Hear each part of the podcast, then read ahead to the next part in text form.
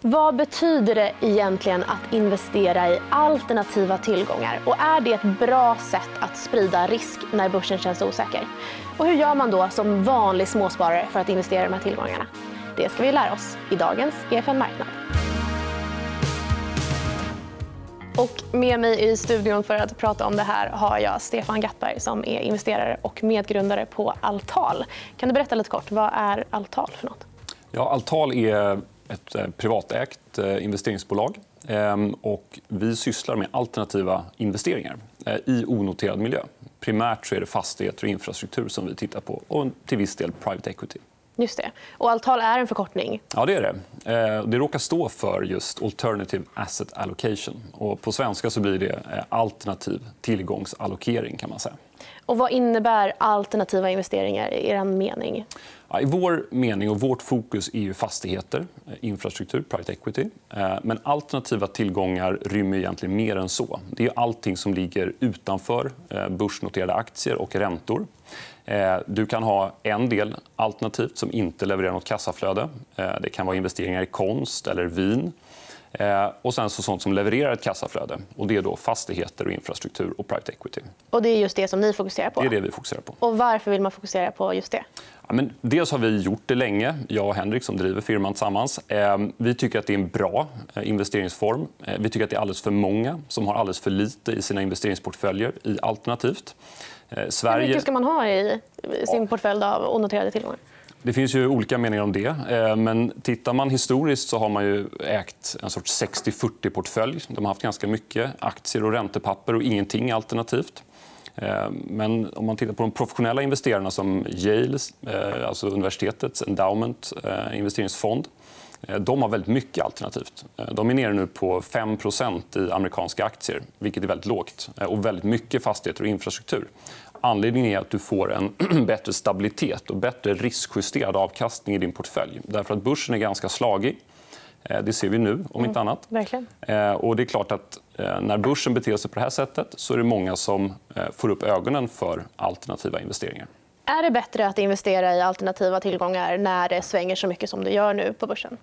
Eh, jag, tror att du får en bättre riskjusterad avkastning i portföljen. i alla fall. Eh, så beror det såklart på hur portföljen såg ut från början. Eh, men tittar man historiskt så, kan man se att du får en bättre jämnhet i portföljen. Alltså en bättre riskjusterad avkastning om du har en viss andel onoterat och reala tillgångar som ger kassaflöden. Och hur mycket då? Ja, någonstans mellan 20 och 40 procent eh, fastigheter och infrastruktur eh, ska man egentligen ha teoretiskt för att få en bra avkastning. Det är ju väldigt mycket jämfört med den vanliga gemene småsparare. kan jag tänka mig. Ja. Hur ser du på det? Ja, men så är det. Eh, och tittar man globalt så ligger allokering mot alternativt på ungefär 12% så Det är också lägre.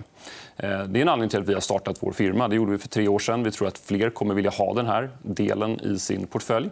Eh, men sen är det så att som småsparare kan det vara svårt att hitta alternativa tillgångar att investera i. Eh, det har varit mest institutioner, institutioner som har kunnat köpa. Eh, de har gjort det genom stora fastighetsaffärer. till exempel.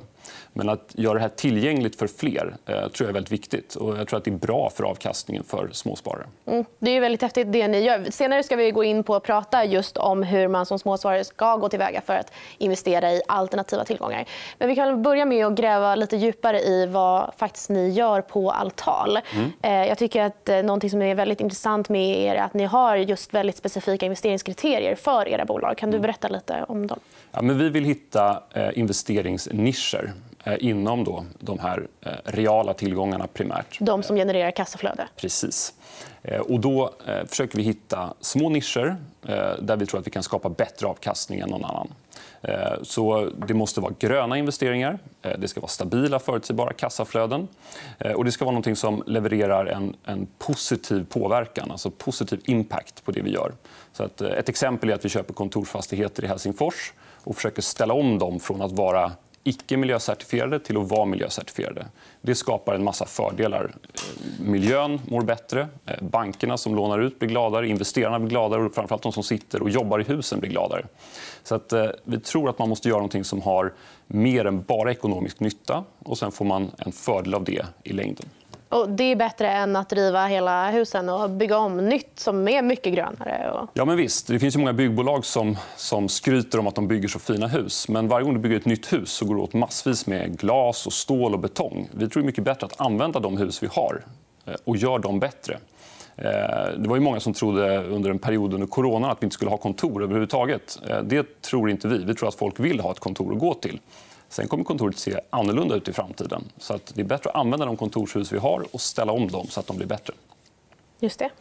Någonting som ni också pratar om är en inflationsskyddad avkastningsprofil. Kan mm. du berätta lite kort vad betyder egentligen det? Ja, eh, det var ju nåt som man kanske inte tänkte så mycket på för ett år sedan eller 18 månader sedan. Att inflation är något man kan behöva ta i beaktande när man gör sina investeringar.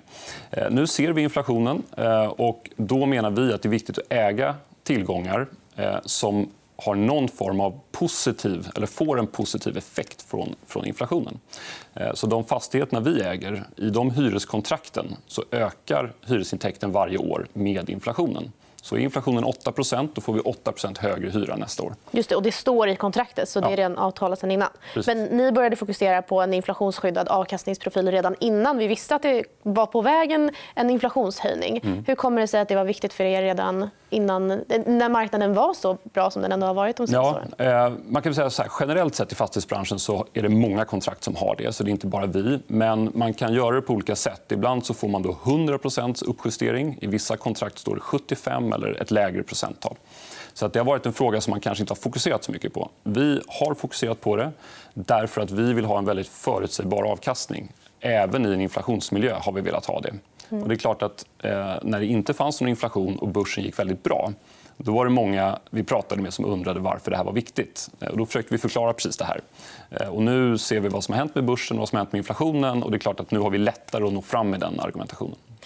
När du säger förutsägbar avkastning, jag kan tänka mig att det ringer i allas öron av att det här är precis det man är ute efter egentligen. Mm. Finns det någon annan typ av, något annat typ av tillgångsslag som inte bara är fastigheter men där man också kan se ett inflationsskydd inbyggt i branschen eller i tillgången? Ja, sätt? alltså, fastigheter är ett bra exempel. Eh, infrastruktur uppvisar ju samma eh, typ av karaktäristik. Eh, det är svårare att köpa. Vad för typ av infrastruktur? Ja, det kan vara grön energi, till exempel. Solcellsparker. Ja, då hänger det ihop med elpriset dessutom. Du har vindkraftsparker. Ehm, och sen har du saker som hamnar och flygplatser. Men det är klart att det är ännu svårare för en, en privatperson eller småsparare att komma åt och kunna investera i. Ehm, vi har historiskt vi har gjort några infrastrukturinvesteringar, bland annat i såna här fibernät, alltså bredbandskablar. Så det finns saker man kan göra eh, som också då, eh, påverkas positivt av inflationen. Och det här finns det ju faktiskt noterade bolag också som sysslar med. Så där kan man ta sig på den noterade marknaden också. Ja, och så är det med fastighetsbolag också. Mm. Stockholmsbörsen är fullt av noterade fastighetsbolag eh, som är väldigt duktiga på det de gör. Eh, skillnaden då kan man säga mellan att äga en noterad fastighetsaktie och en onoterad fastighetsaktie det är ju att så länge du är noterad så påverkas du av den allmänna, det allmänna börsklimatet. Eh, och man kan titta på att korrelationen för noterade eh, fastighetsbolag de samvarierar ganska mycket med börsen i stort. Eh, vi vill ju då jobba onoterat så att du som investerare får en direkt exponering mot fastigheten och de här hyresintäkterna och inte påverkas av den generella börsturbulensen. Just det. Men vi har ändå sett att det har varit eh, ja, men dels då tillväxtbolag där det har svängt mycket på börsen. Där har det svängt nästan lika mycket i den onoterade marknaden. Mm. du skulle alltså säga att det är skillnad just i fastighetsbranschen på den noterade och den onoterade marknaden? Eh, ja, det skulle jag göra. Eh, du har en större trögrörlighet i den onoterade eh, fastighetsbranschen. Just därför att fastigheten kommer inte gå ner med 30-40% över en natt. Mm. Eh, sannolikt, om det inte har hänt nåt dramatiskt. Men ser du på börskurserna för fastighetsbolagen så rör de sig ganska kraftigt just nu. Just det. Du pratade också om att ni vill hitta gröna investeringar eller investeringar som påverkar världen på ett positivt sätt. Vad innebär det? egentligen? Ja, men det är något som alla pratar om nu. Eh, och Det låter ju väldigt bra. Mm. Eh, men vi kommer lite från andra hållet och funderar på om fem år. Eh, vilken typ av fastighetsbolag kommer att vara attraktivt då för investerare, banker, hyresgäster. Och då tror inte vi att det är ett val. Man kan inte välja att inte vara grön. utan Det är någonting man måste vara. Eh, och eftersom vi startade för tre år sedan så har vi haft lyxen att Eh, kunna vara gröna till 100% från dag ett. Alltså vi köper bara fastigheter som är gröna eller som vi kan ställa om till att bli gröna. Återigen, tittar du på stora fastighetsbolag på börsen eh, många av dem kommer att ha ganska svårt att ställa om hela sin portfölj så att den blir helt grön. Men eh, är man inte grön då kommer man få svårt tror vi, att låna i bankerna. exempelvis. Eh, bankerna får ju själva högre krav på sig att göra grön utlåning. Eh, så att det här är något som såklart påverkar hela samhället. Och är man i fastighetsbranschen så tycker vi att man också ska vara med och bidra till att vi får grönare fastigheter. Mm. Vad kan man då förvänta sig av de här bolagen som har fastigheter som de faktiskt inte kommer kunna göra om till gröna fastigheter? Ja, det är en bra fråga. Eh, och det får vi nog se på några års sikt. Men, men vi tror att det kommer bli svårare att finansiera dem hos bankerna. Eh, det kommer sannolikt kunna bli svårare att hitta hyresgäster till dem. Därför att Hyresgästerna som är i allt högre grad medvetna om det här vill ju ha gröna fastigheter också. kunna säga till sina anställda och sina kunder att de sitter i gröna fastigheter. Eh, effekten borde då bli att värdet på den typen av fastigheter som inte är gröna eh, blir lägre än på de som är gröna. Just det. Vi ska gräva djupare i eh, hur man faktiskt investerar i onoterat som småsparare. Och rent konkret, då, om jag skulle vilja investera i ett onoterat bolag som ert, hur går jag tillväga? Ja, eh, det är det här som är med onoterat. Att det är lite svårare än att köpa börshandlade aktier. Då går man in på Avanza eller Nordnet eller någonting annat och så kan man klicka in sin köporder. Här måste man allt som oftast ringa till en aktiemäklare. Eh, och då ringer man oftast till sin bank. Ehm, och, och, och så måste man veta att bolaget finns till att börja med. Hur eh, hittar man bolaget? Då? Ja, det är inte så lätt. faktiskt. Man, man kan börja med sin bank och fråga om de känner till några onoterade aktier. Som, som de... För ibland så följer de vissa onoterade aktier och erbjuder en handel i dem. Just det. Eh, Men det finns ingen liksom, lista som man kan gräva i? Eller... Nej, det finns ingen heltäckande lista. Avanza har en lista. Eh, jag vet att Nordnet också har någonting. Så där kan man börja och titta. Men det, det täcker inte allting.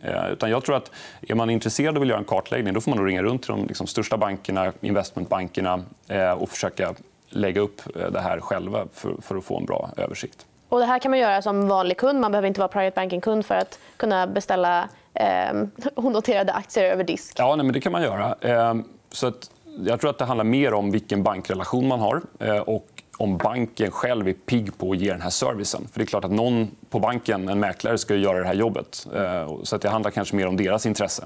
Men, men det, men det ska inte vara något problem. Men allt går för en kostnad? Eller? Allt går nog för en kostnad. precis. Allt går för en kostnad. Och aktierna, men det här är inget konstigt. Det är ju vanliga aktiebolag ofta. Ehm, eh, I vårt fall så är aktierna Euroclear-registrerade så att du kan ha dem på din vanliga aktiedepå. Mm. Ehm, så att det är ganska enkelt på det sättet. Mm. Men det är nog det att man framförallt ska hitta informationen och ställa frågan till sin bank. Tror jag. Mm.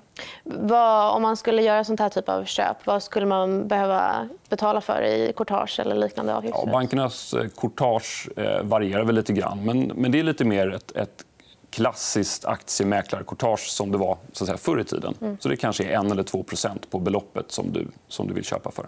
Men man kan investera hur liten summa som helst? eller Finns det någon begränsning ja, där? I, I den här andrahandshandeln om du köper eh, så är det ju så. Så länge banken är villig att liksom, göra jobbet för dig. Eh, när det är en nyemission eh, i onoterade bolag då kan det vara andra regler som gäller. och Då kanske det är minimikrav på exempelvis 100 000 euro eller någonting sånt. Och, men då har inte alla alltså, tillgång till det på samma sätt. utan Det är lättare om man köper då på andrahandsmarknaden. Ja, ja. Det, kan man förvänta sig att det är en daglig handel för såna här typer av Nej, bolag? det eller? tycker jag inte man ska förvänta sig. Eh, det är, ju, det är onoterat, trots allt. Eh, ofta är bolagen lite mindre, färre aktieägare. Så att det är ju en sämre likviditet oftast än om bolaget är börsnoterat. Sen så är väl vår erfarenhet att bara för att ett bolag är börsnoterat så är det inte säkert att det alltid finns likviditet i aktien. Det har nog många märkt. Eh, och särskilt inte på de priser du är intresserad av. Så att det där med likviditet är väl lite... Och jag tycker också att det är ett lite tvegat svärd. För att I ett onoterat bolag så kan man säga att det är svårt att sälja. Men i vissa fall kanske det är bra att man inte blir uppstressad av att kursen faller. och så vidare. Utan man, man vet att jag äger det här. Jag kanske äger det på lite längre sikt. Och så håller man inte på att jaga upp sig bara för att börsen faller. Mm. Utan jag äger den här onoterade aktien och jag gör det på lite längre sikt. Mm. Men jag tror att vi alla, när den här eh, stundande svängningarna kom i våras eh, såg över även vår eh, noterade portfölj och tittade över vilka bolag är som jag tror på långsiktigt och vilka borde jag kanske sälja mm. för att jag inte tror på dem längre. Men det kan man inte göra på samma sätt riktigt i den onoterade miljön. då? Nej, det finns en liten trögrörlighet. Mm. Men det kan, man också, kan nog vara ganska positivt. så att man inte tar de här förhastade besluten bara för att man läser på Dagens Industri att nu faller börsen. Mm. Utan då tar man det lite lugnare. Man kanske ringer och pratar med sin aktiemäklare eller man ringer direkt till bolaget, eh, vilket man ofta kan göra. Det är så? Ja, absolut. Det är ju eh, det är vanliga aktiebolag, så det finns ju en vd. och eh, det, Oftast finns det kontaktuppgifter att få tag på. så Då kan man ringa och höra hur, hur det går för bolaget och, och uppdatera sig själv. också. Okay. Och, eh, nu har vi pratat om eh, liksom hur man som privatperson investerar i den här typen av bolag. Vad är det för typ av investerare som ni sitter med i Altal? Vår, eh, huvuddelen av våra investerare är mindre institutioner eh, och förmögna privatpersoner, family offices. Eh, det är, det är den gruppen av investerare som nu under de senaste åren har intresserat sig mer och mer för alternativa tillgångar. Eh, de ser vad institutioner internationellt gör som ökar väldigt mycket mot fastigheter och infrastruktur. Och då följer man med i den trenden. lite grann, tror jag. Och man ser också på det här med, riskjusterad avkastning och inser att det är ganska klokt att ha 10, 20, 30% alternativt i sin portfölj. Eh, men vi märker också ett ökat intresse från småsparare. Eh, och vi får mer och mer frågor om det, vilket vi tycker är väldigt positivt. Så att jag tror att det här är någonting som i takt med att man nu ser vad som händer på börsen och med inflationen så kommer fler och fler söka sig till det. Mm. Eh, och de här investerarna som ni har som är större institutioner och family offices där, skulle du säga att de ser på den onoterade miljön som en mycket mer långsiktigare investering? Och ska man som småsparare också då ha ett mycket mer långsiktigare perspektiv i den marknaden? Ja, men det tycker jag. Det här är ingenting som man tradar i eller, eller går i och ur. Liksom. Utan här får man göra en bedömning, läsa på ta sitt investeringsbeslut och sen så får man nog vara med under, en, under ett par år i alla fall och, och, se hur det går. Sen är det klart att det är vanliga aktier så att man kan ju sälja dem men som sagt inte över börsskärmen. Mm, just det. Eh, avslutande, då, om du har dina bästa råd för att göra investeringar i alternativa tillgångar, vad skulle du vilja skicka med småspararna där hemma? Jag tycker det. Eh, ring runt, prata med bankerna, skaffa information. Eh, och du kommer säkert i den processen att lära dig ganska mycket. Du kommer stöta på andra investerare som kanske är specialiserade eller fokuserade på onoterat. Prata med dem och börja göra investeringar. För Det kommer att skapa en snöbollseffekt där man lär sig mer och mer och man får en bättre överblick över hur landskapet ser ut. Just det. Speciellt kanske i de här tiderna. Absolut. Stort tack, Stefan Gattberg, för att du var med oss idag. Tack så mycket.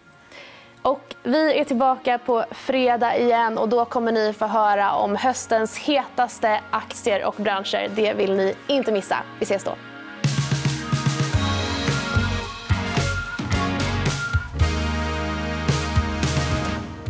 Du har lyssnat på EFN Marknad, en podd av EFN Ekonomikanalen. Mer om ekonomi och aktier finns på efn.se.